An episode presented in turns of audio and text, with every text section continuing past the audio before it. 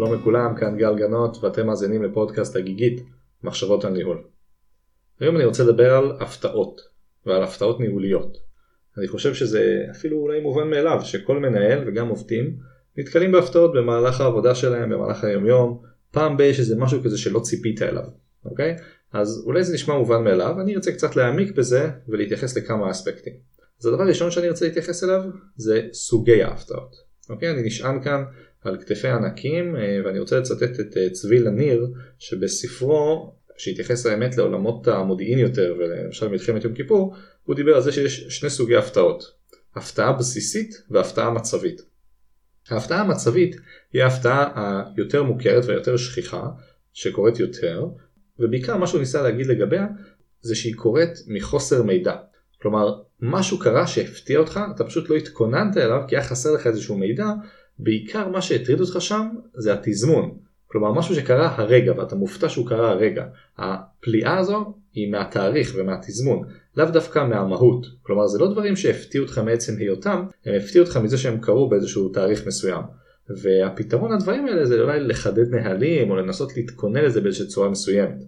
ההפתעה המצבית היא אני עכשיו יושב במשרד, ניגש אל איזשהו מישהו ומודיע לי שעכשיו הוא צריך לעזוב, נגיד. עכשיו אם זה מישהו שכבר ידעתי שיש סיכוי שהוא יעזוב לפני, אז אני לא מופתע מעצם העזיבה.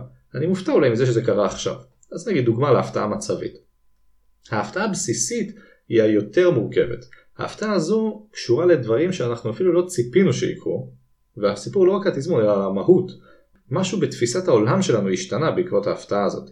הוא כמובן לוקח את זה לעולמות של מלחמת יום כיפור וההבדל בין השעה שפרצה המלחמה, שזה איזשהו משהו מצבי, לבין זה שצבא הגנה לישראל הוא לא מה שחשבנו ולא מה שהכרנו מכל המלחמות הקודמות ובעיקר מלחמת ששת הימים שהפכה את האזרחים הישראלים אפילו לשאננים או לגאים יותר מדי על גבול היהירות בכוח שלהם.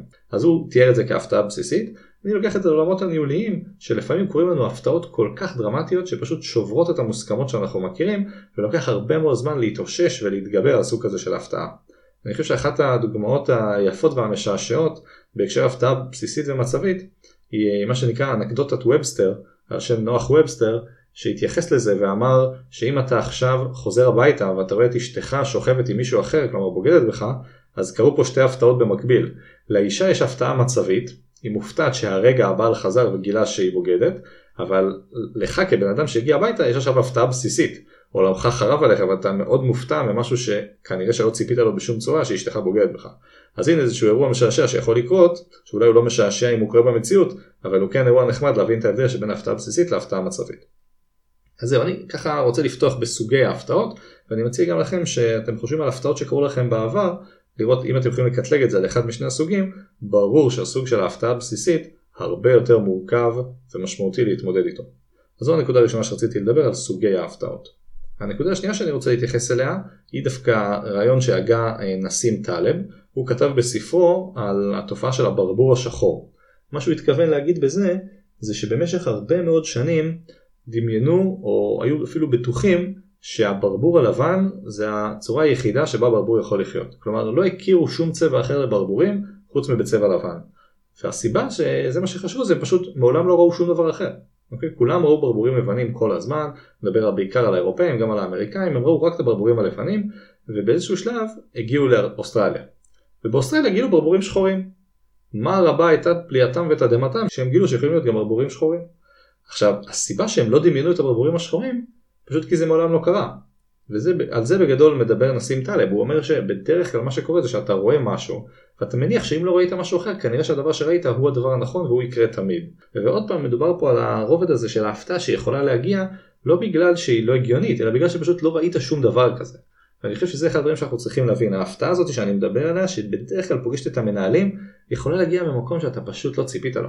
אני חושב שבשנת 2020 בואכה 2021 אני חושב שאנחנו מבינים את זה מצוין. הייתה לנו שנה עם הפתעה בסיסית אחת גדולה לגמרי, נכון? שברו את כל המוסכמות שלנו. למרות דרך אגב, אם כבר דיברתי על נסים טלב, נסים אומר חברים, מגפות זה דבר שאנחנו לא צריכים להיות מופתעים ממנו, זה קיים בעולם אלפים בשנים, אוקיי? And yet, הגענו לנקודה הזאת והופתענו מאוד. ואני חושב שההפתעות האלה, גם אם ההפתעה הזאת של הקורונה היא מאוד מאוד דרמטית, ההפתעות האלה קורות לנו כל הזמן ואנחנו צריכים להתכונן אליהן. הדבר השלישי שאני ארצה להגיד, זה שכשמדברים על להתכונן להפתעות, בדרך כלל אנחנו מתכוננים למלחמה הקודמת. וזו איזושהי נקודה בעיניי אה, אה, די מצחיקה. אנחנו כולנו יודעים שההפתעות האלה יכולות לקרות, ואנחנו אומרים טוב בוא ננסה להתכונן, בוא נחשוב על מה יכול לקרות ואיך אני אתכונן לזה, ואז אנחנו חושבים על מה קרה לי בעבר, מה קרה לאנשים אחרים, מה קרה למנהל הקודם שאני החלפתי, מה הייתי עושה בכל אחד מהדברים האלה. אבל חשוב להבין, ההיסטוריה היא לא גלגל שחוזר. אומר את זה מישהו שלמד היסטוריה ומאוד אוהב היסטוריה. זה לא חוזר, אוקיי? ולכן, גם כשאני מדמיין מה אני אעשה במקרה ש...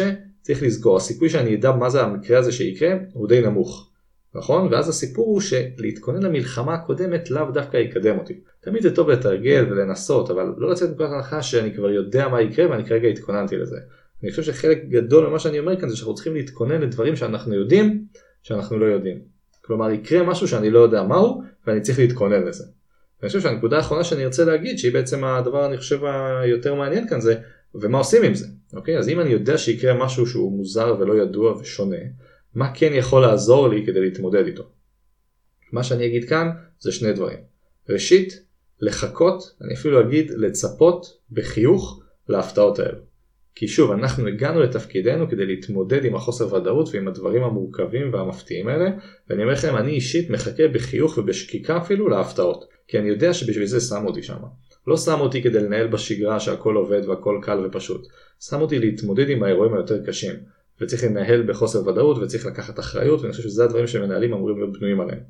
ולצד הסיפור הזה של הציפייה והלחכות עם חיוך להפתעות, צריך לחשוב מי זה אנחנו, נכון? אמרתי שמנו אותנו כדי להתמודד עם זה, אז מי זה אנחנו? מה הערכים, מה התכונות, מה העקרונות שמובילים אותי כמנהל, ואם אני מספיק יציב ובטוח בהם, אני צריך להאמין שהם אלו שגם ייקחו אותי במהלך ההפתעות האלה. אז אם יש משהו שאני חושב שאפשר לעשות כדי להתכונן להפתעות, זה לחדד שוב את המהות. מי אני, מה אני, מה אני אוהב, מה העקרונות שלי, מה הערכים שלי, על פי מה אני הולך ולאור מה, ואני חושב שהדברים האלה ישרתו אותי, כמו שהם משרתים אותי בשגרה, על אחת כמה וכמה בחוסר הוודאות. כי אם אני יודע מי אני ומה אני יודע לעשות ולמה, זה ישרת אותי לא משנה באיזשהו מצב, גם במצב שהכל חסר ודאות ואני יודע שמישהו צריך לקבל החלטות ואני לפחות יודע על בסיס מה אני מקבל את ההחלטות, ולנהל איזשהו עוגן בעולם שהוא יהיה אה, מאוד שונה ממה שאני מכיר.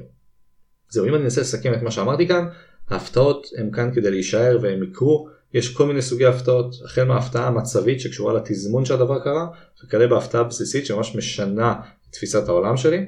הסיפור הזה נתתי את הדוגמה של הברבור השחור, זה שאנשים חשבו שיש רק ברבורים לבנים כי הם פשוט לא נתקלו במשהו אחר, וכשהם נתקלו בזה אז זה פשוט היה שם, נכון? אז זה שאנחנו לא פגשנו משהו לא אומר שהוא לא יכול לקרות. וסיימתי בזה שגם אם אני לא רוצה להתכונן למלחמה הקודמת, כן יש דברים שאני יכול לעשות, בעיקר לשנות את התפיסת עולם שלי שאני עכשיו מחכה ומצפה בשקיקה אפילו לשינויים האלה כי בשביל זה אני כאן. והדבר האחרון, להישען על היסודות והעקרונות והערכים הבסיסיים שלי שבעיניי ישרתו אותי כמין איזשהו עוגן כשהגלים אה, גבוהים והספינה נעה לצדדים. זהו, עד כאן, מקווה שזה היה מעניין וזה עזר. כרגיל הערות, שאלות, הסכמות וחוסר הסכמות מוזמנים לפנות אליי, אתם יכולים להגיע אליי דרך האתר הגיגית.co.il תודה לכולם והמשך האזנה נעימה בפרקים הבאים.